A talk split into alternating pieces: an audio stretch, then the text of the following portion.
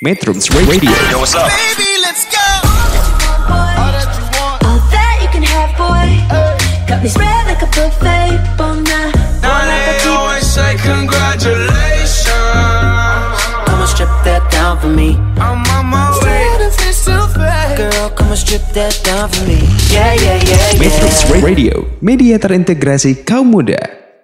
Metronom, selamat malam. Berjumpa kembali dalam acara Arah Pandang, Bincang Ideologi dan Politik Internasional, edisi hari Kamis tanggal 3 Desember tahun 2020 dari radio online Metro Bandung di bilangan Jati Handap Bandung.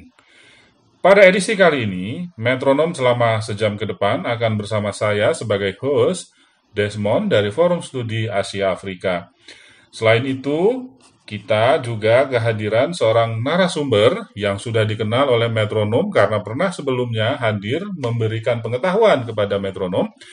Beliau adalah Bapak Randy Suhardiman. Beliau adalah peneliti dan sekaligus analis pertahanan.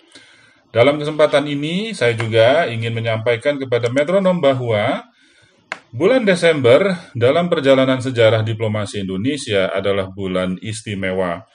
Pasalnya, pada bulan ini, tepat 70 tahun silam, revolusi kemerdekaan Indonesia telah berakhir dan berujung pada pengakuan kedaulatan dan kemerdekaan Indonesia secara de jure dan de facto.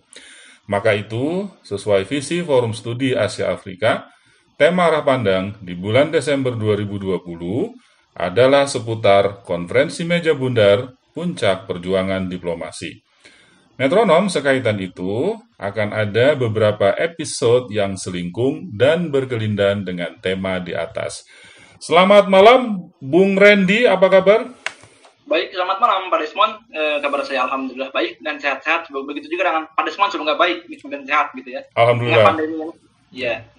Ya, ini merupakan hal yang penting bagi kita sekarang untuk selalu bertanya berkabar, mengingatkan dalam situasi pandemi seperti ini, dan semoga juga metronom selalu dikaruniai kesehatan dan tetap menjaga eh, himbauan dari pemerintah yaitu 3M plus 1T ya katanya sekarang. Menjaga jarak, mencuci tangan, kemudian menggunakan masker dan menghindar, tidak berkerumun. Baik, eh, Bung Randy, apa tema yang akan disampaikan kepada metronom pada Kamis petang ini? Baik, tema yang akan saya sampaikan yaitu judul- judulnya atau lebih temanya yang besarnya itu diplomasi sambil bertempur. Nah, diplomasi sambil bertempur ini adalah perjuangan kita dari tahun 45 sampai 49 di mana dua hal ini eh, sangat apa saling melengkapi gitu. Di mana diplomasi berjalan untuk pengakuan jure tapi bertempur yaitu militer kita juga berperan di dalam negeri sekalipun. Kita tahu pada bahwa militer kita kan baru dibentuk masih istilahnya masih dianggap lemah tapi berusaha berjuang untuk menegakkan kedaulatan kita gitu. Dan di luar diplomasinya pun juga ada gitu. Bahwa ini kita tuh ada negara kita gitu baru merdeka gitu. Ya.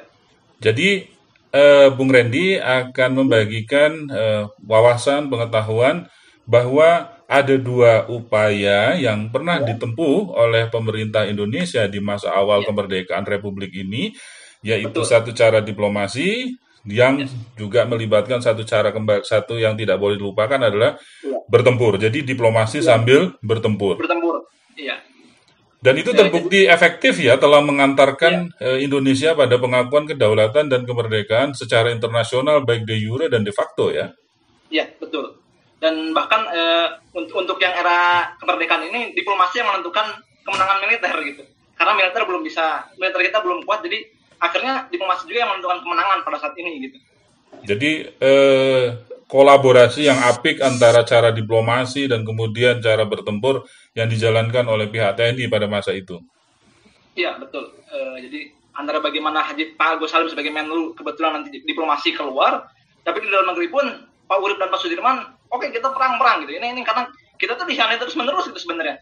Jadi dari awalnya kita operasi Popda oleh sekutu, tapi sekutu pun akhirnya membuat ulah, akhirnya, akhirnya terjadi pertempuran 10 November 45 gitu kan, di mana pemerintah RI disuruh menyerahkan senjata ya kita nggak mau ngelawan dong nggak bisa. Yang salahnya kenapa eh, sekutu ikut campur gitu kan gitu. Karena perang. Tapi di sisi lain kita pun bisa kerjasama gitu. Yuk atau kerjasama aja daripada bikin ribet kerjasama kita diakui de facto Inggris pun mengakui gitu. Ya udah daripada bikin ribet lah daripada Belanda Belanda jangan ikut campur saya mau kerjasama. Karena Belanda marah gitu. Kok anda mengakui de, de facto gitu? Eh pemerintah Indonesia ADR aja daripada kita ribet gitu kan? Ya. ya itu itu pun dia diakui gitu di situ gitu kan Ya, ini nampaknya nampaknya akan menjadi perbincangan yang seru sekali pada petang ini eh, melihat dari pengantar dari eh, Bung Randy barusan. Kira-kira hal-hal apa saja yang perlu menjadi perhatian metronom sebelum lebih dalam memahami eh, tentang eh, diplomasi sambil bertempur di sesi kedua, ketiga dan keempat nanti? Eh, mungkin yang jadi perhatian adalah bagaimana peran diplomat kita dan TNI lah gitu dalam, dalam mengelaborasi hal ini gitu secara apik dan dan dari dua hal ini makanya kenapa kalau kita lihat sekarang kenapa? Kementerian Pertahanan dan Kementerian Luar Negeri kan tidak boleh diubahkan. Jadi itu dua simbol yang ada gitu. Jadi nggak nggak boleh diubahkan atau dirubah gitu kan? Tidak boleh itu. Kementerian lain kalau mau bubar mangga, tapi Kementerian Pertahanan dan Luar Negeri tidak boleh. Itu adalah simbol dari perjuangan kita gitu berasal dan yang memang bergerak untuk menegakkan kedaulatan kan dua hal itu gitu. Kan dulu ada penerangan untuk propaganda tapi kan harus dihapus jadi Kemendagri masuk di situ gitu. Kan itu kan? Pak awalnya kan di situ. Kenapa di Undang-Undang 45 dua kementerian ini nggak boleh bubar. Kementerian Luar Negeri Kementerian Pertahanan gitu kan. Karena itu gitu. mengingat eh, peran dan fungsi mereka baik dalam secara historis maupun pada peran eh, mereka pada hari ini sangat terkait kepada fungsi kedaulatan sebuah negara ya. Kedaulatan baik ke dalam dan keluar gitu. Ke dalam dan keluar ya. Ya. jadi ke dalam dan keluar ya baik. Ya ke dalamnya untuk menjaga ada ada agresi atau ada apa tapi keluarnya ini ini kita ada gitu. Secara apa? Secara pengakuan internasionalnya ada gitu kan begitu ya jadi ada ada ada ada terminologi kepentingan nasional dan keamanan nasional dua-dua ini eh, pada Iya. pada level dasar yang sangat menentukan adalah sangat terkait kepada peran dua kementerian tadi iya betul Pak. Baik, Bung Randy tahan dulu sampai di situ eh, karena ini akan menjadi perbincangan yang seru sekali pada malam ini dan Ya. Nanti kita akan eh, kupas lebih dalam tentunya pada sesi kedua, sesi ketiga dan sesi keempat. Ya. Metronom, dalam kesempatan ini saya selalu mengingatkan bahwa untuk mendengarkan siaran Radio Metrum dapat mengunduh aplikasi Android Metrum Radio di Play Store Metronom di link bit.ly slash Metrum Radio. Satu aplikasi menjelajah berbagai platform. Bagi pengguna perangkat Apple, dapat menyimak program arah pandang melalui App Store Online Radio Box, Radiosnet, atau Radio.net. Atau bisa juga metronom menyimak talk show ideologi dan politik internasional ini melalui link bit.ly slash webmetrum pada website metrum.co.id atau melalui Radio Garden pada link bit.ly slash Radio Garden Metrum atau melalui aplikasi radio lainnya. Search saja kata kunci Metrum Radio. Metronom juga dapat mendengarkan ulang rekaman talk show berupa podcast di beberapa aplikasi podcast bagi pengguna perangkat Android maupun Apple. Caranya, search saja kata kunci Metrum Radio. Baik metronom, kita akan jeda sebentar dan bertemu kembali pada sesi kedua. Metrums Radio, media terintegrasi kaum muda.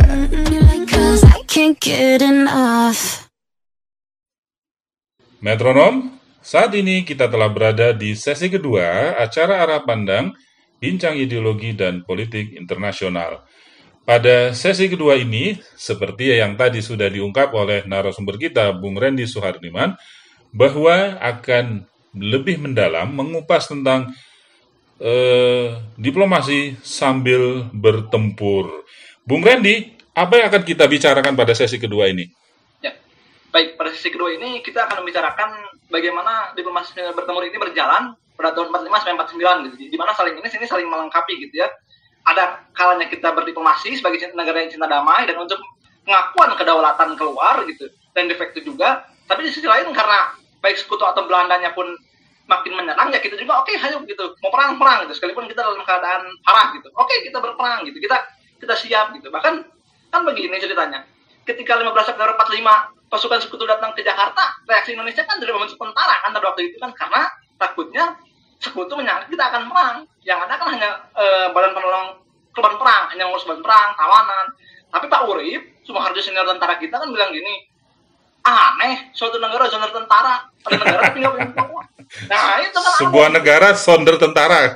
Wah, suatu negara, suatu, suatu negara masa nggak punya tentara, nggak punya TNI, gimana ini? Gitu. Nah, karena ulah itulah dan berbagai pertimbangan, pada 5 Oktober 45 baru dibentuk tentara yaitu TKR awalnya gitu kan Tentara Keamanan Rakyat gitu dengan dengan Menteri Pertahanannya Pak Surya Hadi Kusumo terus Pak Surya Hadi kan nggak nggak jadi nggak mereka berdua tidak datang terus panglimanya kebetulan ditunjuk Sudirman akhirnya dengan pemilihan pada 12 September 45 nah itu bahwa tentara kita ada. Sekarang akhirnya kan mengal- mengalami perubahan penting ya jadi mulai TKR 5 Oktober 23 Januari TRI Tentara Republik Indonesia terus ter- 20 apa 28 Februari 46 Tentara Keselamatan Rakyat sampai ujungnya 3 Juni 1947 Tentara Nasional Indonesia di mana adanya laskar-laskar RI yang berjuang pun diintegrasikan ke situ kan tujuannya ke situ. Nah awalnya kan gitu kita kita sebenarnya nggak ada nih untuk perang. Kalau memang ada masyarakat internasional yang mau datang ya silahkan yuk kita kita ikut apa kita ikut berunding. Bahkan dengan adanya operasi Popda mungkin Mas Ban juga tahu itu kan kita- bukti kita bahwa kita tuh cinta damai gitu. Kita pun ya kita, kalau kita memang masyarakat internasional menangkal damai ya damai ngapain lah perang-perang gitu kan. Tapi kenyataannya kan enggak. Belanda yang masuk melalui ini pakai nikah ikut sekutu malah akhirnya bikin provokasi bikin pamflet menyebarkan pamflet. Nah itu kan, kan pemuda kita marah lah untuk ini supaya teratur dan tentara gitu kan. Nah setelah itu juga ada dengan Belanda kita ingin damai ada konferensi Hugo Valwey kan di Belanda. Sama tapi kenyataannya kita nggak pernah mencapai hasil gitu kan. Di situ malah Belanda memaksa kita ah persetujuan kamu tidak apa tidak untung. Pokoknya saya ingin ada mah- wakil mahkota tinggi gitu kan di, di situ. Nah Belanda Indonesia kan nggak mau ngapain. Kita negara berdaulat gitu untuk apa gitu kan. Yang yang akhirnya kan kita kalau kita coba kita lihat kita lihat ini pada kita lihat setelah Ya. Pasukan sekutu AFNA yang tanggal 30 November 46 kenapa ada perjuangan perju- perjuangan dengan Linggarjati itu kan bukan semata-mata untuk Indonesia perjuangan Linggarjati itu men, menca- apa untuk melakukan kedaulatan tapi untuk Ya. Belanda apa menunggu karena dia tahu pasukannya belum kuat awas pasukan ya itu liciknya Belanda di situ dia tahu ini pasukan kita nggak kuat kita Jadi- ya, makanya kita pura-pura berunding dulu kan gitu Bung Randy ini semacam strategi buying the time ya. Iya, betul. Jadi liciknya di situ. Bagi kita alhamdulillah mungkin apa istilahnya kita istirahat bisa istirahat sejenak gitu. Nggak harus ber- bertempur oke tapi kan di Belanda pun sama. Tunggu dulu ini kita belum kuat nih. Pasukan Belanda yang datang ke Indonesia itu kan juga pasukan istilahnya saya katakan itu pasukan sukarelawan loh. Bukan pasukan an- eh, eh, intinya bukan. Karena mereka perang negara kalah perang kok. Oh iya. mereka menjadi tawanan jadi Iya, dikalahkan oleh Jerman ya. Iya, pada saat itu tunggu-tunggu akhirnya diadakanlah proses Ngerjati. Kan tanggal 25 Maret 25 Maret 1947 kan dengan tiga tiga apa dengan Indonesia diwakili oleh Sultan Syahrir, Belanda diwakili oleh Simarhon dengan kesepakatan kan apa? Belanda mengakui bahwa eh, kedaulatan Indonesia Jawa, Sumatera dan Madura, tapi begitu juga Indonesia apa Indonesia akan apa eh, apa penyeles- penyelesaian masalah Indonesia akan diselesaikan lebih lanjut sampai yang ketiga Indonesia menerima, menerima bentuk dalam bentuk federasi pada awalnya kan gitu. Ya. Nah setelah itu kan begitu pasukan Belanda datang mulai kuat kan Belanda pakai ini lagi pak apa dia eh, pakai istilahnya perjanjian Linggerjati yang disandangi. Jadi pak pakaian Linggerjati yang pakai baju gitu. Dengan tambahan dua satu Indonesia menghentikan eh, apa kegiatan politik luar negerinya di mana saat itu kita sudah membuka 14 atau 15 perwakilan ya baik di ada di Singapura di Ya, Inggris ada ya. beberapa perwakilan gitu. Kita sudah mulai berdaulat di situ. India waktu itu ya. kedua ya kedua bubarkan TNI itu ngapain eh, apa bagi Belanda gini tentara tentara Indonesia kan ah itu per- perkumpulan pemuda liar mah tentara bobrok lah ngapain bubarkan itu ngapain? Disebut- Bahkan kita marah ngapain? Disebut ekstremis lagi ya katanya ya. Ah, ekstremis. Ah itu mah para pemberontak pengacau. Nah bubarkan itu. Nah kita kan nggak mau nih. Ketika itu nggak mau nah ditambah lagi tanggal eh, 10 Juli hey Indonesia harus setuju dengan garis Van Mook jadi garis Van Mook itu garis hal garis hayal. Belanda masuk di situ dengan bebas tapi Indonesia harus mundur gitu. Karena ini pasukan kita kan sudah sudah ada apa sudah punya maksudnya sudah sudah mempertahankan mati-matian tapi mundur. Lah itu kan marah kan? Marah ya sudah karena karena Belanda juga karena sudah kuat tanggal 21 Juli 1947 disebutlah agresi militer Belanda pertama di mana dipimpin oleh Jenderal Sporo langsung kan panglima tertingginya udah sikat semua wilayah Indonesia. Jawa Sumatera pun lewat Bandung eh, di semua di mana Bandung Purwakarta semua disikat. Ya memang kita akui nah pada saat itu kan kita kalah gitu ya masih perang kita kan masih perang apa perang eh, frontal karena kita juga belum terbiasa dengan Belanda kan akhirnya pertama kalah dulu. Nah begitu awal November baru kita menguat lagi kuat gitu ya. Mulai kita dengan strategi gerilya gitu kan di situ. Dan Belanda pun juga mengakui bahwa setelah setelah gerilya saya semakin diganggu semakin apa yang harusnya kita sudah ada pacifikasi sudah menduduki wilayah malah kok semakin capek untuk patroli gitu semakin lelah gitu. Kita harus memecah lagi pasukan yang lebih besar gitu kan di situ. Gitu gitu. Nah pada saat itu kan kita sudah bagus. Nah karena eh, apa Belanda ini juga masih merasa kuat tapi kan masyarakat internasional apalagi Dewan Keamanan PBB kan melihat ini stop dong eh, jangan terus ber, ber- ber- apa, bertempur. Nah tanggal 1 Agustus 47 Dewan Keamanan PBB menyampaikan kepada kita Belanda stop eh, harus harus ada perunding harus ada perundingan lagi nih. Nah tapi kan waktu itu belum jalan masih terus pertemuan berjalan. Nah pada saat itulah puncaknya pada saat perjanjian Renville itu Pak tanggal 17 Ya. 17 Januari 48 karena Indonesia ingin daerah yang netral oke tadi di atas Renville waktu itu perdana menterinya kan Pak Amir Sarifudin dengan diwakili Belandanya kan Pak Abdul Qadir Widodo Atmojo berunding di situ. Nah pada saat berunding sebenarnya kan dari tentara juga nggak mau loh ngapain ada berunding? Kita udah unggul nih di sisi Silangnya di, di Jawa Barat. Tapi kita juga nggak bisa. Itu kan juga keputusan politik. Kita harus menghormati gitu kan. Akhirnya kan berunding. Salah satu yang paling menyesak gitu ya paling sakit kan wilayah kita kan cuma hanya ada di Banten sebagian kecil wilayah Jawa Tengah dan Jawa Timur dan Sumatera. Paling itu Sumatera. Ya. lain-lainnya kan itu di wilayah di bawah wilayah Belanda dengan enaknya dia bikin negara boneka gitu. Kan Ya. nah apakah itu juga tidak ada masalah? Ada. Ketika jangan salah pak. Ketika hijrah pun itu itu juga ada masalah. Ketika di Selangi hijrah ke Jawa Tengah juga ada masalah. Makanya untuk mengatasi itu Pak Aliman Sudirman, Pak Sudirman kemudian mengutus mengutus orang khusus yaitu Pak Simatupang sebagai kawan dekatnya Pak Nas. Tolong kasih tahu kita harus hijrah. Dan pimpinan angkatan perang di Jogja ngerti bahwa ini Siliwangi pasti akan sulit gitu ya. Akan saya udah berjuang mati-matian kok harus hijrah gitu kan Iya. ngapain gitu kan jadi tapi ini ini keputusan politik keputusan negara dengan dengan berat hati ya kamu harus meninggalkan wilayah kita ke garis yaitu ke, ke Jawa ke Solo dan ke Jogja jadi kedua wilayah itu nanti di, di ditempatkan gitu pak ya di, Iya. ditaruh di sana ya oke lah kalau gitu oke tuh eh, kita hijrah nah tapi memang masalahnya kan nanti kayak Laskar Hizbullah itu pimpinan Katu Suryo nggak mau hijrah kan Pak, karena itu jadi Iya. TTI ini Ya. ketika Siliwangi nanti kembali ke Jawa Barat jadi perang lagi di situ karena Bayi Katu Suryo Indonesia sudah berkhianat kenapa nggak perang terus-terusan gitu? Kan mereka Iya. tuh pengingkarannya gitu. Tidak nanti begitu Siliwangi kembali ya jadi lagi perang gitu kan di situ gitu kan. Nah ketika Renville ini kan mas pasukan kita hijrah terus hijrah di situ juga ada masalah ketika ketika masuk bagi tentaranya di Ponorogo karena macam itu ada pasukan asing gitu. Nah kenapa ada pasukan asing? Disebut pasukan asing ini kita lihat divisi Silang itu pak pada waktu itu kan divisi paling profesional divisi paling benar itu ya itu Iya. mereka gitu. Mereka eh, bagaimana mereka punya persenjataan cukup lengkap punya di bahkan di divisi intelijen itu mereka udah punya pak. Divisi Iya. divisi yang Brawijaya dan di Ponorogo belum punya waktu itu intelijen. Bahkan kebanyakan dari mereka kan laskar. Ya kan di Silangnya orang-orang yang saya katakan ya maaf terdidik. Beberapa saudaranya mereka orang berpendidikan tinggi jadi tahu gitu. Iya. bagaimana organisasi tentara yang efisien yang juga apa eh, kecil tapi ampuh gitu kan. Itu mereka Iya. sudah punya itu gitu pak. Ya nah saya juga ingin menegaskan di sini pak bahwa operasi militer kita juga terkadang bisa mempengaruhi kebijakan luar negeri eh, dunia. Bahkan Amerika Serikat saya katakan gitu kan. Nah ini kita kita bisa melihat gitu. Amerika Serikat itu kan mengakui kita pada 17 April 47 gitu secara diplomatik setelah eh, perjanjian Linggarjati tapi kalau saya lihat mereka itu kan posisi mereka ada di pihak Belanda ya. Iya. kenapa kok bisa begitu?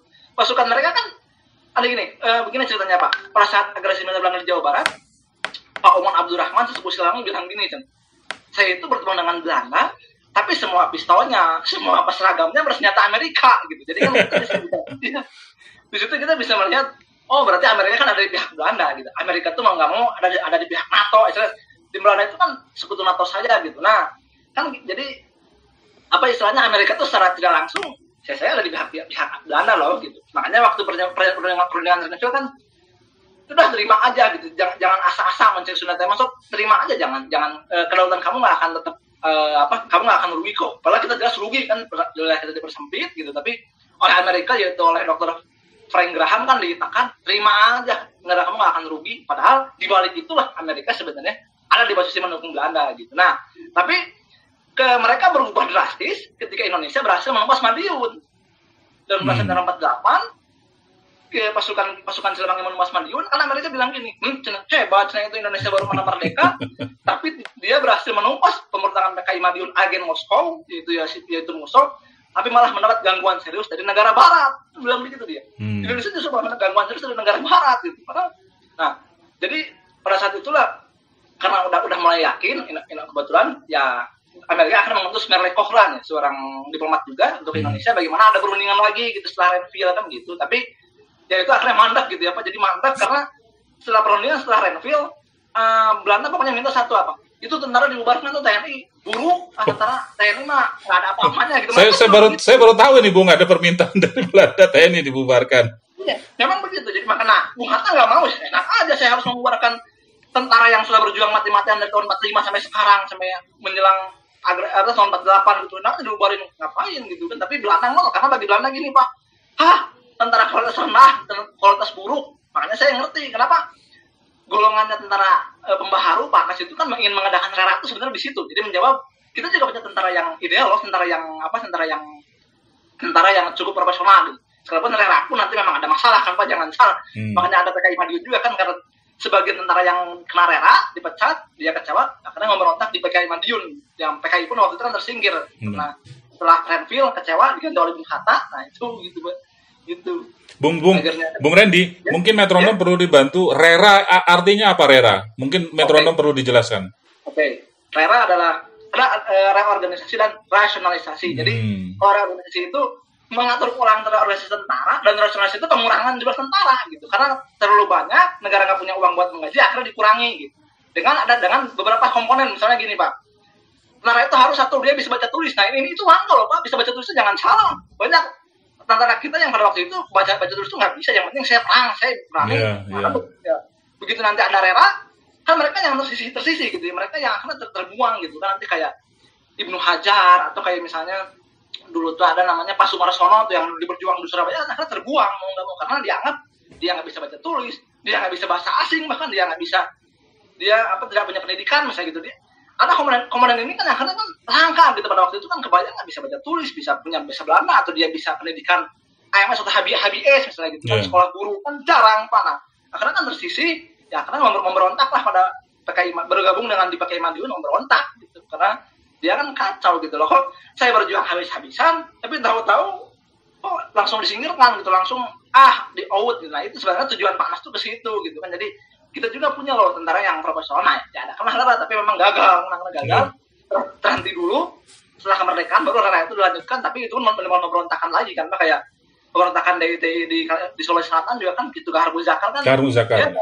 ya seorang tentara yang lumayan cukup apa revolusinya kuat tapi begitu setelah ada rera dengan poin tadi kan nggak dia nggak bisa baca tulis dia nggak bisa bahasa Belanda ya sudah kamu di out karena memberontak gitu kan gitu kan Iya, iya. nah akhirnya kan itu nah kita lanjut lagi ke yang tadi lah setelah karena perundingan Renville ditolak terus. Kan dia satu TNI bukan bubar. Kan kita ah, nggak mau ngapain TNI bubar nah.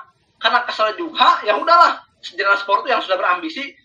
Ini kalau ekstremis ini bisa disikat kalau jantungnya disikat. Yang di mana pak? Ya Jogja. Makanya dia menyerang Jogja. Karena tahun tanggal 19 Desember 48 kan dengan kekuatan penuh kan dia menyerang Jogja. Dis- disikat lapangan drama bulan. Bahkan ditawan Presiden Soekarno kan. Tapi untungnya perwakilan militer kita baik Pak Sudirman dan Pak Nasution kan juga akan bergerilya gitu ya bisa bergerilya dan eh, akhirnya kan nanti meng- menghasilkan persetujuan Van Royen dan Drum Van Royen gitu pak ya Iya. sekalipun bagi PDRI kan juga itu juga rugi kenapa eh, yang diajak berunding itu orang yang berstatus tawanan gitu ya kenapa tidak PDRI berhasil itu ada PDRI juga Iya. di, di bawah Pak Sofrudin ada dan juga jangan lupa juga eh, tadi saya sebut bahwa pada saat kita gerilya agresi nasional kedua dan di luar negeri pun didukung gitu ya ada LN Palar gitu kan Iya. yang, yang Dr. Sudarsono di PBB kita pun didukung oleh konferensi uh, negara Asia yang digagas oleh India pak jangan lupa itu juga mereka juga apa mendukung gitu Iya. yang ya ada Pertemuan konferensi- antar Asia ya kalau nggak salah namanya. Iya betul pertemuan antara Asia. Jadi kalau nggak salah ada India,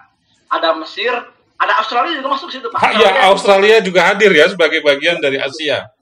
Betul. Australia waktu itu kan eh, mendukung kita pada eh, apa pada waktu itu mendukung kita yang akhirnya menegaskan tolong dibebaskan tuh pemain kita yang diculik Bung Hatta dan Bung Hatta, Soekarno dan Bung Hatta dibebaskan eh, kembalikan lagi mereka ke Jogja anak itu diberikan eh, lanjutan gitu ya akhirnya kan dari ramalan ini nanti yang kata Bapak nanti puncaknya ya kepada KMB ini lah gitu banyak pada KMB ini puncaknya di mana Bung kita diwakili oleh Bung Hatta Belah sedang Belanda diwakili oleh eh, Ratu Ratu Yun dan Van Ma- Marsden itu ada lagi. Mereka mereka punya delegasi lagi gitu. Oke berunding nah itulah di puncaknya di situ gitu. Mana tapi pada waktu itu kan juga kita bisa melihat diplomasinya berjalan terus gitu. Tapi TNI di dalam juga.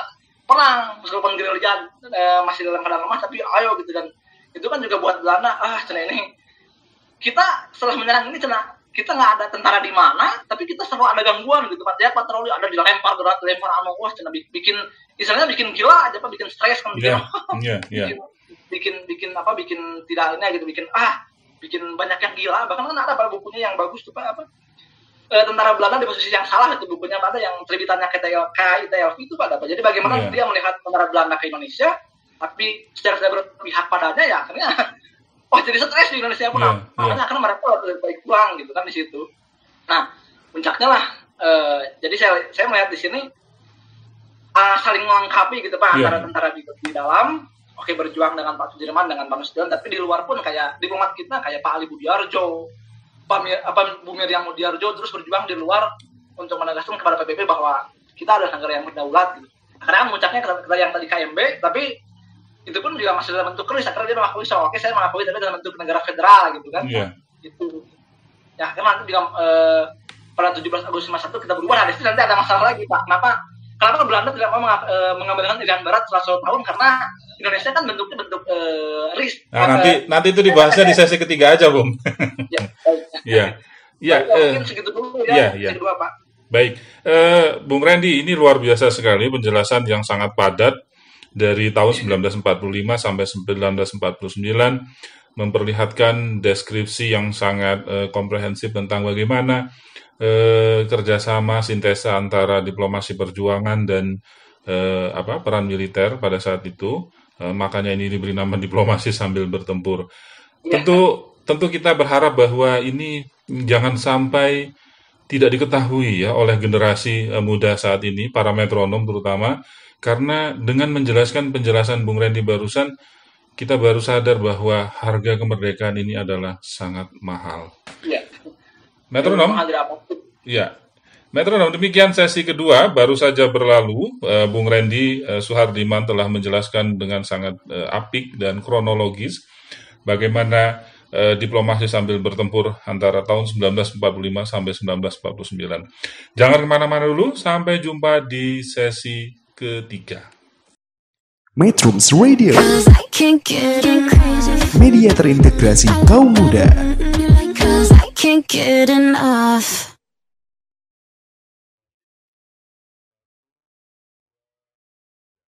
Ya. Metronom, kini kita telah berada di sesi ketiga acara Arah Pandang, Bincang Ideologi dan Politik Internasional dengan tema Diplomasi Sambil Bertempur sebagai Strategi Pertahanan Indonesia periode 1945-1949 bersama Bung Randy Suhardiman. Bung Randy, eh, barusan tadi di sesi kedua menyinggung bahwa puncaknya pada konferensi meja bundar, tapi juga Bung Randy men- eh, me- me- me- me- me- mengatakan bahwa ada satu hal yang tersisa dari konferensi meja bundar. Apa kira-kira?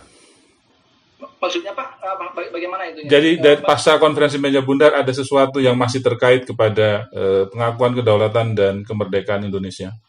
Oh ya paling itu pak yang yang tadi Irian Barat jadi bahwa nanti eh, apa setelah jadi pasal yang pertama kan In- Indonesia oke saya setuju untuk berbentuk sebagai RIS sebagai sebagai negara federal. Nanti akan dibentuk Indonesia Belanda. Nah, jadi di mana eh, Indonesia Belanda, Belanda ini masih akan terus berada di Indonesia untuk membimbing istilahnya gitu eh, Indonesia menuju negara yang modern. Yang ketiga saya akan menyerahkan Irian Barat satu tahun kemudian. Nah jadi saya pada tahun 51 harus diserahkan kan gitu. Jadi supaya melihat Indonesia siap nggak gitu kan. Tapi kenyataannya kan nggak begitu udah tahun 51 kita berubah jadi dari RIS ke NKRI nah Belanda kan ya loh kok berubah jadi kesatuan lagi? Ya saya nggak mau kan gitu saya nggak mau lah. Akhirnya akhirnya kan molor mengulur waktu gitu. Di situ nggak diserahkan kan dari nah pada saat diserahkan itu kan ki- kita pun juga pakai diplomasi kan pak pakai diplomasi bilateral bagaimana terus tahun 52 bahkan dia perdana menteri yang menjabat pun kan menjadi apa eh, masalah Iran Barat menjadi prioritas gitu pak untuk diselesaikan gitu. Dan itu kan ada diplomasi terus menerus diplomasi terus lagi tahun 52 tahun 53 dimajukan lagi ke PBB maju sama PBB belum belum bisa masuk. Karena kita kan masih kalah hubungan katanya. Oke. Tahun 54 tuh sampai kan tahun puncaknya tahun 55 kan KA nah KA kita dapat dukungan nih dari para Hmm, negara iya, kita. ya yo kalau lagi ke Indonesia ke eh, masalah Irian Barat PBB dan lagi masih dia kalah. Ternyata negara-negara Eropa NATO ini licik dia nggak Belanda menang di situ. Oke nggak bisa juga. Sampai akhirnya karena masih kesal tahun 56 atau 57 kan baru Soekarno marah di, di apa ada ini apa keputusan hubungan diplomatik dan diblokade pak ya. Jadi semua apa hal-hal yang merupakan Belanda kan dihapus gitu pak ya. Kayak hotel destinasi di hotel bisa Indonesia gitu. Jadi hal-hal yang merupakan Belanda di, dipupus gitu pak ya di, dimulai apa karena kita marah gitu. Kok ini nggak nggak dikasih kasih mulu nih? Gitu kan puncak tahun 58 masih terus. Nah karena ini masih kita nggak bisa ya sudah lah kalau gitu bagaimana kalau dengan puncaknya kepada operasi militer juga nih. Tapi kita kan sadar operasi militer kekuatan kita kan masih apa masih masih lemah lah istilahnya. Cuma kita cuma punya angkatan darat cuma punya divisi doang. Yang profesional sedangkan untuk angkatan laut dan udara kan masih masa pembangunan pak. Jadi bagaimana Pak Surya Dharma itu di AU itu kan mulai merintis gitu ya, merintis pem- eh, apa para perwira kita ke luar negeri ke Taiwan ke Amerika Serikat. Terus dari angkatan laut pun juga ke Italia kalau angkatan laut itu ada yang ke Italia ada yang ke Belanda juga belajar bagaimana membangun angkatan laut. Nanti kayak Pak Marta juga dari Italia sekolah dari sekolah dari Italia terus Indonesia lagi. Jadi jadi kan gini wah nggak mungkin kita kalau akan berperang. Nah karena kita nggak akan berperang apa kita nggak akan berperang dicoba lagi kan coba lagi diplomasi juga masih nggak bisa ya.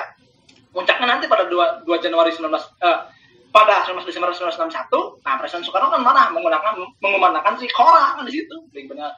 Gagal kan untuk membentukkan negara eh, negara Papua Belanda saat kedua kibarkan sang merah putih. Nah ketiga bersiap untuk kembali semua nah di sinilah yang poin ketiga inilah artinya juga persiapan untuk militer kita. Tapi kan juga tidak mudah pak militer kita.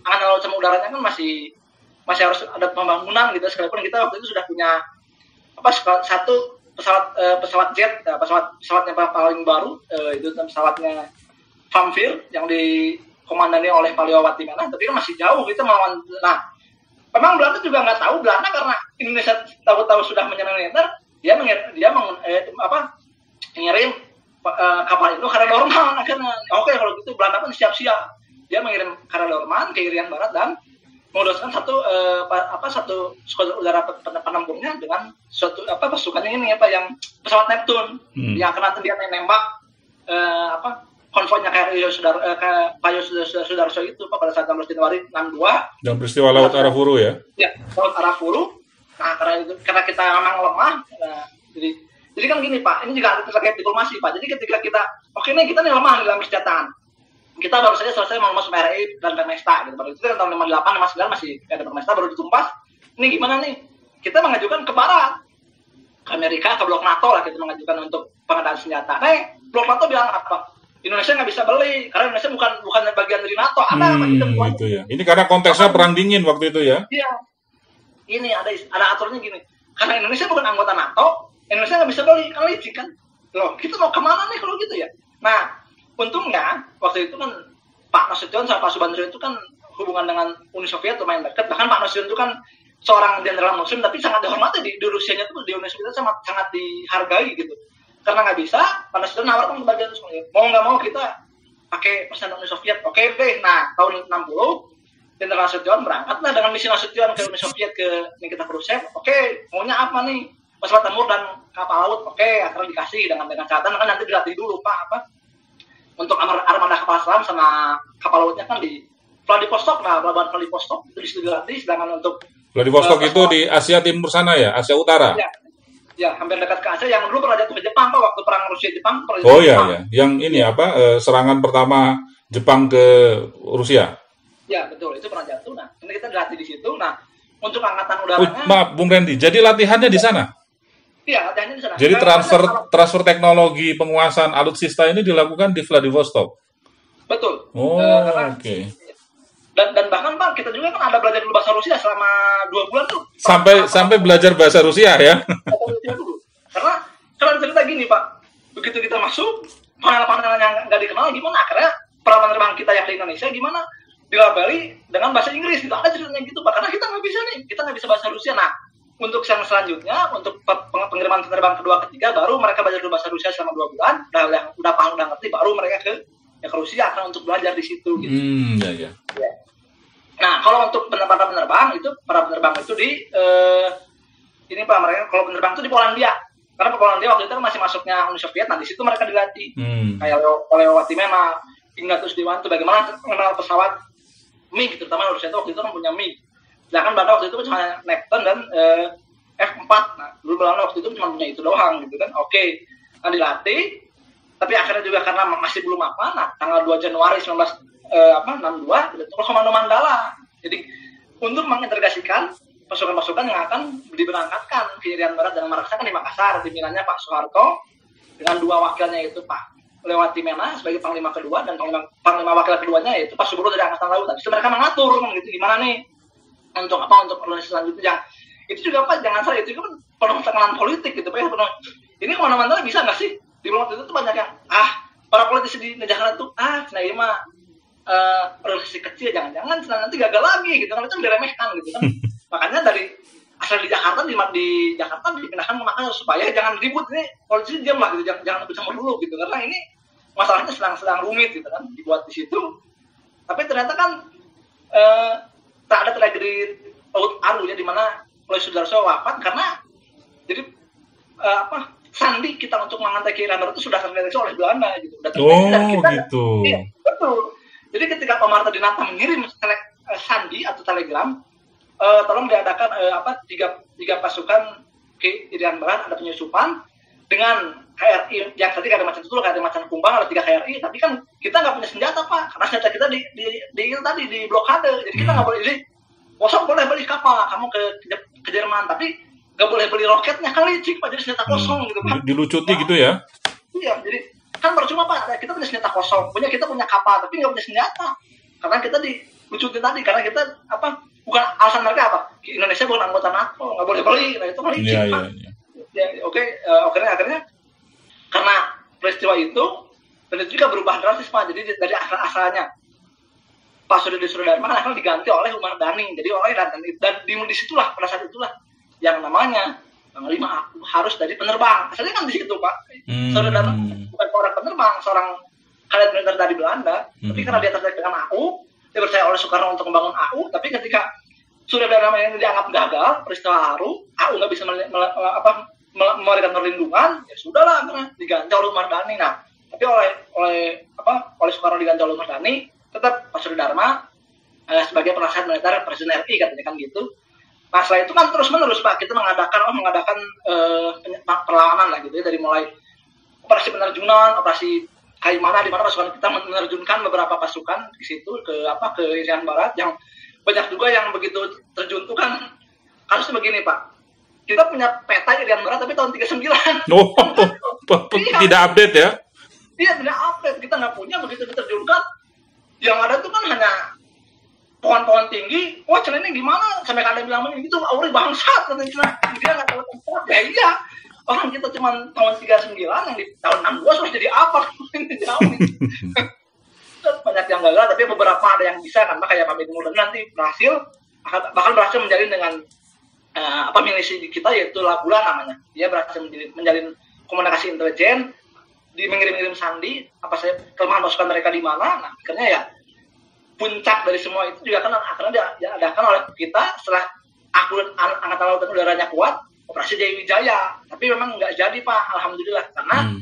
Amerika mengintai pada saat kita membeli ke Rusia itu Amerika ngintai Indonesia punya pesawat mana nih? Diintai oleh mereka Amerika tuh gini, aduh Indonesia punya pesawat MiG 21 MiG 21 adalah pesawat tercepat pada saat itu bahkan Hmm. pesawat yang istilahnya kalau Belanda itu dia daya, daya, daya jarak cuma 20 km Indonesia bisa 60 km, kilometer pun jadi gitu. Dalam waktu 2 jam terbang tuh bisa. Nah kan Amerika kan oh kalau gini mah kamu yang bakal mati. Nah Amerika akhirnya memaksa udah berunding nanti dengan Indonesia deh daripada kamu nanti cari mati cari mampus. Nah gitu gitu. Karena pada waktu itu kan kita kuat nyaranya ada awunya bener angkatan laut itu juga sama. Oke kamu pakai kayak kayak, Dor- kayak Dorman saya pakai kayak Irian mau apa gitu. Karena Irian pun juga unik apa namanya kan. Irian itu Iya. bukan Irian Papua sekarang Irian tuh ikut RI anti Netherlands Iya, gitu iya, kan. iya. Iya. segitunya. Dan itu kan memang pas, eh, kapal yang paling waktu itu kan paling kuat. Belum lagi Indonesia punya skadron anti kapal selam. Jadi kita kita punya kapal selam tapi kita antinya pun ada so. Gitu kita mau apa gitu kan mau perang berapapun juga bisa. Jadi padahal kenyataannya kan kalau kita dengar lagi dari Pak Nas dari Pak Harto kan sama apa bilang ini untung cuma operasi Wijaya tidak jadi. Coba kalau operasi Wijaya jadi kita mungkin akan habis juga karena itu akan memakan jiwa dan korban yang besar. Iya, iya. akhirnya karena nggak jadi karena akhirnya ada perundingan pada Agustus ini apa 15 Agustus 1962 ada persetujuan New York. Salah satu isinya kan Pak bagaimana eh, nanti akan dibentuk pemerintahan transisi eh, apa pemerintahan transisi di bawah PBB setelah itu baru nanti Indonesia tanggal 13 Maret eh, 62 baru boleh mengirimkan bendera. Jadi nanti kan berdampingan. Yang bagi Papua itu merdeka gitu. Jadi bagi, bagi mereka justru pada transisi ini mereka justru mereka merdeka gitu. Pada saat Indonesia masuk dianggap penjajah lagi gitu. Sama makanya kenapa sekarang ma- masyarakat Papua ada yang nggak suka? Karena di situ mereka juga gitu. Pak. jadi saya mah dasarnya merdeka. Setelah, setelah transisi tapi begitu Indonesia masuk dianggap juga menjajah gitu. Pak itu, Iya, iya. itu juga jadi masalah gitu. Baik. hanya yang perlu menekankan di sini ini bukti bahwa kalau kemerdekaan diplomasi memenangkan militer, sekarang militer yang memenangkan diplomasi. Gitu. Baik, Ayo, baik. dipaksa gitu, nggak bisa gitu. Dan saya melihat Bung bahwa eh, upaya diplomasi dan eh, apa militer ini juga sangat dipengaruhi oleh perilaku sistem internasional karena tadi saya melihat bahwa antara tahun 1945 sampai 1949 eh, perilaku Amerika Serikat berubah ketika Indonesia berhasil menumpas eh, pemberontakan eh, Madiun ya. Karena pada saat itu sistem internasionalnya sudah bipolar ya antara blok barat dan blok timur, ada Fakta Warsawa dan juga NATO. Ya. Dan pasca konferensi meja bundar kan masih menyisakan satu pekerjaan rumah yang masih terkait kepada apa yang diperjuangkan eh, pra KMB. Juga eh, kita melihat bahwa eh, sistem internasional perang dingin itu juga sangat mempengaruhi ya pengambilan keputusan kebijakan dalam negeri, dalam diplomasi dan juga militer. Sehingga puncaknya adalah pada eh, perjanjian New York tadi ya pada Agustus. Ya. Tahun berapa itu, Bung? 1992, Eh, 62 ya? ya 62. Ya, tahun 1962. Jadi eh, apa eh, saling gotong royong ya kalau misalnya integri, apa integritas apa sorry eh, saling eh, mendukung antara diplomasi dan militer ini memang eh, sesuatu yang tidak terelakkan ya di dalam sejarah eh, sejarah diplomasi perjuangan Indonesia dan sejarah perjuangan militer Indonesia. Ah, Bung Bung Randy, saya tuh ingat di Jogja itu ada museum TNI AD kalau nggak salah namanya ya. Ya, betul ya. Eh, itu lengkap sekali itu tadi eh, apa semua yang diceritakan oleh Bung Randy barusan tuh tiba-tiba saya teringat saya seperti melihat langsung ya diorama-diorama yang ada di Museum TNI AD yang di Jogja itu. Nama museumnya apa ya? Saya lupa ya. ya yang mu- museum dan ada ada dua museum ada ada juga de- berdekatan dengan ini pak dengan monumennya apa monumen Ja- Jogja kembali juga sama di situ Oh iya iya iya iya. Jadi di situ saya melihat ada ada pertama itu ada bagaimana kolaborasi antara diplomasi perjuangan dan eh, perjuangan militer dan yang kedua itu eh, dikisahkan palagan-palagan ya. Jadi laga-laga ya, palagan Surabaya, palagan Ambarawa dan Ya, seterusnya. betul. Jadi ada ada juga pertempuran lima hari. Jadi tiap daerah pun nanti kan waktu itu harus melakukan perlawanan. Jadi kita berunding oke di Jakarta di mana tapi kalau tentara sekutu atau tentara Belandanya melawan ya kita juga akan berperang gitu kan. Jadi kita kita sanggup untuk berperang gitu. Mau Iya. mau darah pun silahkan gitu. Nah baik pak kalau boleh saya ulas sedikit bagaimana dengan orde baru nih boleh ngebahas orde baru nggak pas sedikit nih Ya silakan. ada perbedaan. Ya.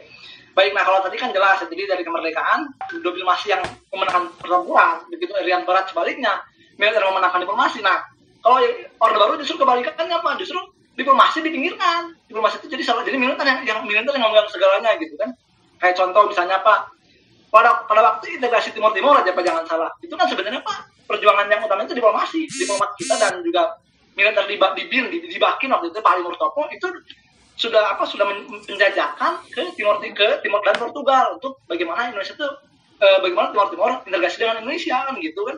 Jadi Iya, iya. sudah sudah apa, sudah mau diakui, oke dunia sudah mengakui dengan diplomasi. Eh militer bunuh Timur dan itu. Lama diplomasi mah. Bikin-bikin aja pusing. Diadakan operasi Seroja. Jadi kan itu itu sebenarnya apa bertentangan Pak? Yang sudah kok nah, kenapa? Saya mah pakai diplomasi tadi mah kenapa yang ini militer? Karena kan pakai Iya. operasi Seroja dan eh, itu juga akhirnya menimbulkan pro kontra. Karena banyak juga tentara yang wafat. Bahkan seorang bintang dua pun ada yang wafat saya lupa namanya. Iya. karena itu operasinya disebutnya gagal. Jadi operasi tergesa-gesa gitu pak. Itu nggak nggak beda dengan Irian Barat ada rencana enggak itu operasi tergesa-gesa bagi Medi Murdani lama diplomasi mah nah, karena dipakai jadi saya melihat pada masa Orde Baru ini diplomasi itu dilangkahi gitu Iya. bahkan pada tahu sendiri jabatan duta besar kan tidak boleh dari jarang yang ada dari dari Deput yang jarang tapi kebanyakan Iya, iya. dari tentara militer itu sama terus belum operasi kemudian senjata apa pesawat eh, pesawat eh, apa A4 Sikoho ke Israel itu juga mel- melangkahi diplomasi kita nggak punya Iya. diplomatik tapi karena kita butuh gimana ya pakai operasi intelijen jadi kalau justru saya melihat kepada saat orde baru ini kebalikannya justru diplomasi kebanyakan dipinggirkan gitu. Sekalipun saya tahu bahwa pada saat diplomasi kan diplomat diplomat berpengaruh kayak Pak Maulana Usman aja Pak Ali Atas sempat menjadi apa? Ada eh, Malik ya. Ya, betul betul. Tapi saya melihat di sini ada ada dominasi militer untuk urusan luar negeri gitu. Dan kalau mau tahu itu mungkin kita bisa membahas nanti buku tentang yang diterima oleh Pak Leo Suryadinata yang kalau itu luar negeri bawah Soeharto itu gimana melihat Ya. nanti militer yang justru mendominasinya diplomasi Iya, ya gitu betul. Iya. Saya juga barusan baru, baru mau merekomendasikan bukunya Pak Leo Suryadinata ya melihat bagaimana peran dominan militer di hadapan diplomasi Indonesia di masa Orde Baru. Baik, Bung Randy, eh, saya pikir untuk sesi ketiga cukup sampai di sini. Ya. eh, sudah Iya. sangat komprehensif dan representatif ya memperlihatkan bagaimana perjalanan eh, diplomasi Indonesia eh, bersinergi dengan perja- perjuangan eh, militer pada saat itu. Baik metronom, demikian sesi ketiga baru saja berlalu. Selanjutnya kita akan berjumpa kembali bersama Bung Randy Suwardiman pada sesi keempat. Baik, eh, kita jeda dulu sejenak. Sampai jumpa kembali di sesi keempat. Metrums Radio, media terintegrasi kaum muda.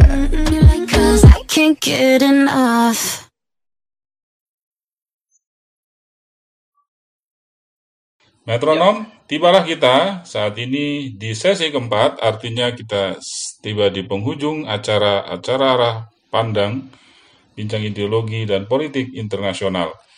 Keseruan-keseruan berbicara banyak peristiwa di balik sejarah yang tidak banyak diketahui oleh kita kecuali oleh para mereka yang memiliki perhatian khusus atau memiliki akses khusus terhadap arsip-arsip sejarah diplomasi Indonesia dan perannya terhadap apa eh, kemerdekaan Indonesia eh, saling berkoordinasi dengan perjuangan militer. Barusan sudah sangat banyak sekali disampaikan oleh Bung Randy sejak zaman Orde Lama hingga Orde Baru. Nah, eh, kira-kira Bung Randy pada sesi keempat ini apa yang akan disampaikan? Jadi sisi keempat ini kalau belajar kita sejarah yang tadi maka pada masa saat inilah eh, kembali TNI dan terutama para diplomat kita harus saling bersi- bersi- bersinergi gitu ya bagaimana misalnya kita menghadapi kasus eh, diplomat diplomasi eh, kasus Laut Cina Selatan gitu kan bagaimana saling saling pihak saling mengklaim nah bagaimana dengan kita ya di- untuk diplomasi misalnya apa untuk de- Deplunya harus menegaskan bahwa itu Natuna adalah kedaulatan kita gitu sedangkan untuk TNI-nya bagaimana karena sekalipun belum kuat tapi minimal bagi bahasa minimal TNI tetap patroli di situ ada. Jadi ketika masyarakat nanti ada ada kapal yang masuk ya itu kapal kita loh, ada loh. Sekalipun mungkin kita tahu kita lemah, kita jauh kalau dibandingkan dengan Amerika atau Cina, tapi menegaskan kita tuh ada gitu. Di situ minimal ada. Atau sering patroli udara misalnya itu juga menegaskan bahwa ini kedaulatan kita gitu. Karena apa? Menurut saya gini, kalau sekarang ada empat apa ya maksudnya empat poin dalam diplomasi ini yang harus kita pertahankan gitu ya. Bagaimana pertama Indonesia harus tetap menegaskan kepentingan nasionalnya. Jadi bagaimana misalnya dalam Sulawesi Selatan kita harus ini Natuna kedaulatan kita. Gitu. Jangan lupa juga Indonesia harus menyelesaikan dengan perbatasan dengan 10 negara apa? Ada dengan Ya. Malaysia, dengan Singapura, dengan Republik Palau. Nah itu perbatasannya harus jelas. Mana garis batas kita? Nah, itu harus di, di, di apa di, di lagi, di negos, dirundingkan lagi dengan para diplomat kita. Nah barulah kalau memang ada apa-apa tetap TNI berjaga di situ, tetap TNI eh, apa ngatur untuk di situ ada gitu. Nah yang ke, yang kedua bagaimana diplomasi terhadap ASEAN ya, kita harus harus terus ini harus terus menekan bagaimana di situ gitu karena saya melihat pada saat Laut Cina Selatan ini kan tidak bisa dihadapi dengan satu negara aja tapi kalau bisa semuanya juga eh, ber- bersinergi gitu Pak. Tapi kan kenyataannya ada beberapa negara ASEAN yang justru malah memihaknya ke Cina gitu kan. Jadi juga ini coba ini juga jadi jadi masalah juga bagi kita. Dan sedangkan ASEAN itu kan bagi saya itu rumah besar Indonesia loh. Itu perjuangan piagam yang didirikan Indonesia masa mau gitu aja terpecah gitu Pak. jadi saya harapkan di situ harus harus ada apa harus ada kebersamaan antara diplomat kita dan diplomat negara-negara lain untuk ini nih ke- kedaulatan kita lah gitu. Kalau mau perang ya kita rundingkan dulu di meja perundingan tapi untuk itulah untuk supaya mencegah terjadi apa-apa yang militer kita pun juga harus diperkuat eh, apa harus diperkuat dan itu saya, saya yakin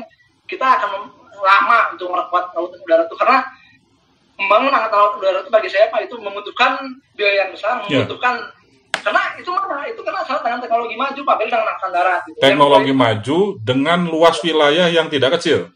Betul, dan harus mau nggak mau kan harus ditambah baik armada pesawatnya, armada pengintainya. Tapi ada upaya kita di situ di Laut Cina Selatan tuh saling tukar informasi, saling tukar intelijen dan yang paling utama ya kita patroli. Nah, yang ketiga gimana nih? Nah, bagaimana cara kita merangkul kedua negara besar tadi baik Amerika sebagai hegemoni dunia, bagaimana China sebagai hegemoni regional? Mungkin kita kalau menurut apa eh, eh, Quick, eh, jadi seorang pengamat politik internasional dari Universitas eh, John Hopkins ini dia berpendapat gini, bagaimana kalau Indonesia menggunakan hedging? Nah, apa ini hedging? Mungkin Mas Kun bisa lebih paham dari saya. Jadi hed- hedging ini terpeliharanya suatu keadaan negara di mana negara itu memihak kepada negara yang kuat gitu. Mau nggak mau kita harus main- berpihak dulu ke salah satu gitu. Kalau nggak ke China ya ke Amerika. Tapi kalau pandangan saya Pak, kalau bisa dimainkan dua, untuk militer pertahanan Amerika yang bermain. Tapi untuk ekonomi atau mungkin untuk pekerjaan bisa ke ke Cina mau nggak mau. Tapi kalau Hmm. memang tidak mau ya kita ke Amerika karena hanya Amerika yang bisa menandingi Cina pada saat ini gitu. Ya, ya. Karena kita nggak kita nggak kalau secara militer ya kita jauh kita masih masih harus terus diperkuat dan itu mungkin udah 10 tahun atau 15 tahun ke depan tapi Nah di sinilah ya akhirnya kembali lagi peran diplomat kita ya harus mau nggak mau diplomasi terus menerus gitu untuk meyakinkan Iya. dunia dan negara-negara bersangkutan bahwa Natuna itu kelautan kita. Mungkin itu aja. Iya, Gitu aja. yang, pertama mungkin buat metronom eh, kita sama-sama memahami bahwa dalam eh, kontestasi antara eh, China dan eh, Amerika Serikat di Laut China Selatan atau sekarang disebut Laut Tiongkok Selatan, Iya. sebenarnya Indonesia tidak langsung terlibat ya di dalam konflik Laut Tiongkok Selatan ini, tetapi sebagai negara terbesar, primus inter pares di kawasan Asia Tenggara, kewaspadaan ini tetap harus dijaga ya, makanya eh, sinergisitas antara diplomasi dan eh, pihak eh, militer harus terus dijaga. Eh, terus yang kedua saya melihat bahwa eh, di dalam kontestasi ini kita me- memerlukan kembali ya, memerlukan kembali kejernihan berpikir yang pernah kita lakukan di antara tahun 45 sampai 49 bagaimana kita mampu mengimbangi ya kekuatan-kekuatan negara-negara yang sudah beberapa langkah lebih maju daripada kita melalui diplomasi dan juga perjuangan militer. Eh, maka supaya itu jangan menjadi romantisme sejarah, kita perlu mengasah kembali pisau analisa kita. Karena pada hari ini situasinya kurang lebih mirip ya kontestasi kalau dulu antara blok barat dan blok timur. Kalau sekarang malah lebih dekat bung ya Iya. antara Amerika Serikat dan China dan di halaman rumah kita gitu. Iya, Indonesia ada di tengah-tengahnya kan, misalnya kita terjepit sebenarnya apa gitu. Iya, betul itu ini menjadi serba salah gitu, kita mau ke mana nih. Jadi akhirnya, ya mungkin kalau tadi saya lihat, teori- teorinya Hebging itu bisa jadi kita berpihak ke mana nih yang selama ini kuat ya kita mau nggak mau ke situ karena kita kan belum secara militer belum kuat tapi ya yang sudah disarankan ya tetap patroli militer kita kan tetap ada makanya kan eh, pemerintah membangun pelabuhan di situ kan jadi ada basis militer kita di situ ada gitu. Kapal patrolinya kapal lautnya ada pa- patroli kapal udaranya ada daratnya pun di situ ada gitu. Karena ini ini tempat eh, Natuna kelautan kita gitu. Jadi memang kita nggak terlibat tapi jangan selalu usung Natuna kan gitu kan. Natuna iya, ya, iya. marah gitu kan gitu Eh, saya saya saya jadi teringat eh, penjelasan Bung Randy tadi di sesi ketiga. Ketika Indonesia tidak diizinkan oleh NATO untuk mendapatkan apa belanja alutsista karena kita dianggap bukan bagian NATO kalau mau beli harus jadi anggota bagian NATO dulu maka kemudian lahirlah misinya Nasution ke ke Rusia pada saat itu ya. dan kemudian sikap Indonesia terhadap Rusia membuat gentar Amerika Serikat iya saya pikir eh, apa eh, apa eh, peristiwanya saja yang berbeda, tetapi pola dan eh, kecenderungannya masih tetap mirip ya hari ini. sama pak. Kayak se- sekarang kan gini kita dilarang untuk beli Su 35 ke Uni Soviet ke Rusia katanya kita dilarang. Tapi ketika kita kalau gitu saya minta pesawat F35 juga nggak boleh loh kok gitu sih kan sebenarnya kita di- dihimpit gitu pak. Kita nggak boleh beli pesawat ke A tapi ketika saya minta ke negara berikutnya oh nggak bisa Indonesia tuh belum belum siap untuk F35 katanya gitu. Pak kan gitu. Jadi politik. Kita kalau kita tahu bahwa F35 itu kan pesawat siluman pesawat generasi kelima tapi minimal kalau masalah siap nggak siap kan SDM bisa, bisa kita bentuk pak. Bisa Iya. kita bisa latihan tapi alasan Amerika kan oh Indonesia belum siap. Waktu kemarin Prabowo ke Amerika kan Indonesia bisa nggak minta pesawat eh, F-35 oh belum siap Indonesia menanti dulu. Tapi kita nggak dilarang untuk beli Su-35 ke Rusia. Kan aneh gitu. Iya. banyak juga yang makanya mungkin kita perlu apa diplomasi pertahanan juga seperti yang dulu apa Kang Dosi itu juga Iya. memang kita perlu ketemu lagi perlu meninjau ulang lagi kita bisa untuk beli ini nggak gitu. Karena eh, anggaran kita paling untuk sementara untuk membeli sampai kalau ada waktunya ya kita membuat gitu ya. Kayak kemarin dulu kita bisa buat apa Olugoro apa buatan PT PAL ya kita udah bersyukur gitu. Nah itu nanti bisa bisa apa bisa di Bisa dikembangkan ya. Secara mandiri ya. baik. Nah untuk masalah pembelian senjata apa jadi bagaimana yang Pak Desmond bilang bahwa kita dilarang apa sebagai bukan anggota NATO akhirnya kita kalau mau beli senjata ke barat kita harus jadi anggota NATO ya. Nah untuk itulah perlunya selain diplomasi tadi diplomasi politik sebagai untuk kedaulatan kita perlu juga mungkin yang disebut oleh Kak Dosi sebagai diplomasi pertahanan. Jadi bagaimana para militer kita juga berdiplomasi dengan negara yang memang akan di negara terkait untuk meyakinkan kalau negara tersebut bahwa kita tuh bisa untuk membeli itu gitu layak untuk membeli itu. Karena kalau enggak ya sulit juga gitu mau nggak mau sedang kita perlu tapi kita di, embargo gitu kan. Kita nggak boleh nih beli F35 ke Amerika tapi juga nggak boleh nih beli SU35 ke Rusia lah. Kan gimana? Jadi mau nggak mau harus diyakinkan lagi ada diplomasi militer bahwa kita layak untuk itu. Misalnya kalau memang nggak bisa ya jangan salahkan kami gitu. Kalau kami mem- membeli ke yang lain jangan disalahkan gitu kan. Jangan kita ini dilarang kedua-duanya kan seolah-olah maksudnya apa? Apa tidak boleh kuat militer kita kan gitu pak. Jadi kalau pandangan saya diplomasi pertahanan juga perlu para militer kita untuk meyakinkan kepada negara negara tersebut baik itu bisa membeli persenjataan dan alih teknologi. Yang paling utama kan di situ. Jadi kita bisa beli, tapi kita pun nanti juga bisa apa bikin sendiri atau bahkan man- mandiri ada komandan yang mandiri sehingga tidak terlalu mahal. Atau bahkan untuk mendidik para perwira kita juga kan juga hal yang mahal. Jadi kita beli nih. Tapi kita harus mendidik lagi ya. Kalau gitu kan lebih baik kita beli tapi pendidikan bisa di, di kita oleh sendiri sama kita punya alat-alatnya gitu. Kita punya fasilitasnya sebagai kayak misalnya contoh kita pendidikan ke, ke F-16 tidak perlu ke Amerika. Kita punya simulatornya nah didik dulu di situ gitu nanti dididik lagi oleh penerbang kita yang sudah handal gitu. Negara besar kamu boleh beli pesawat dari saya tapi kamu harus anu gitu. Jadi Indonesia itu ditekan gitu. Karena kita, kita belum belum bisa untuk buat sendiri ya. Ada kita karena masih menciptakan juga gitu. Makanya kata tadi Pak kita memang mirip-mirip. Kita nggak boleh beli SU-35 Rusia tapi kita nggak boleh juga beli F-35 nggak boleh punya kan gimana gitu. Kan Iya. pandangan saya merasa terangnya apabila militer kita kuat masyarakat atau negara-negara yang macam-macam ya tinggal pasti ya, maksudnya akan akan ke menjadi diplomasi kan gitu. Soalnya kita mau apa kita kuat. Di diplomasi ya di tengah ditekan aja di, di apa dihajar lagi gitu. Tapi selama militer kita kuat ya maka di diplomasi kita bisa unggul dalam berbagai bidang gitu. Tapi kalau diplomasi kita kuat tapi militer kita nggak kuat dia akan berpikir ya udah kita pakai militer aja nih gitu kan gitu. Makanya kenapa Cina bisa ada provokasi di situ? Karena tahu negara mereka negara-negara Asia Tenggara kan belum kuat jadi ah lawan aja lah gitu kan gitu. Tapi kalau kita kuat ya dia pun juga akan berpikir dua kali bahkan seribu kali gitu, pak Baik. Bung Randy, Ya. apakah Ya. Bung Randy punya pesan bagi metronom eh, khusus bagi metronom tentang tema diplomasi sambil bertempur? Eh, paling pesannya yang untuk pertama pak untuk untuk masyarakat eh, mudah-mudahan hal ini diketahui dan dipelajari gitu ya seba- sebagai bahan kita jangan mengulang jadi mengulangi sejarah itu yang baik-baik gitu ya sebagai pelajaran bagi kita bagaimana TNI dan Kementerian Luar Negeri atau Pertahanan dalam hal ini bisa bersinergi lah gitu. jangan sampai nanti seperti orde baru lagi zaman dulu bagaimana saling melangkahi bahkan saling gap bahkan saling apa TNI yang mendominasi gitu kan itu jangan jadi itu jadi sa- saling bersinergi tetap diperlukan karena gini pak koordinasi itu di Indonesia bagi pandangan saya itu mahal loh mahal Indonesia itu Ya, ya, Indonesia ya. itu masalah koordinasi itu aja Ya. bagaimana misalnya dalam penanganan terorisme misalnya kan ada koordinasi dari BIN dari Polri dari TNI nya kan di situ juga mahal gitu pak Ya, ya. ada kalanya BIN sudah mendeteksi lapor ke polisi oh, itu mah itu mah bukan hukum pidana kan susah gitu kan jadi mungkin di sini harus dengan adanya saling koordinasi saling gotong royong gitu. Yang pertama yang kedua ya harapan kita adanya diplomat-diplomat muda dan juga TNI-TNI yang muda berbeda perwira yang baru lulus ya.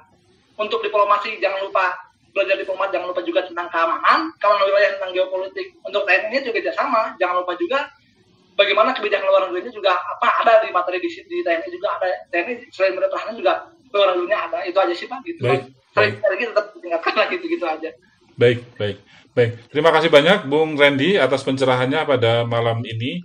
Eh, Metronom, demikian sesi keempat baru saja berlalu dalam acara Arah Pandang Bincang Ideologi dan Politik Internasional.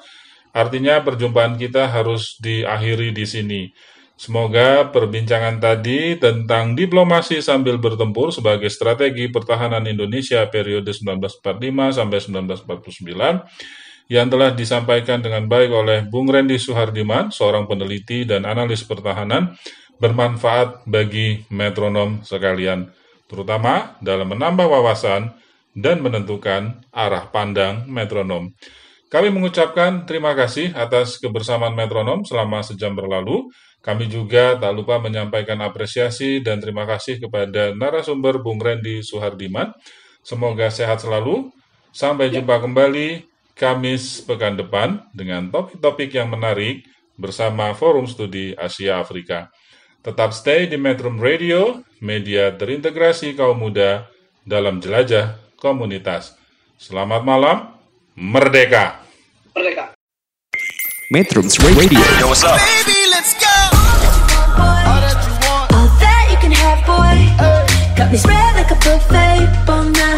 Now they always say congratulations. Down for me. I'm on my way. Girl, come and strip that down for me. Yeah, yeah, yeah, yeah. Radio Media terintegrasi kaum muda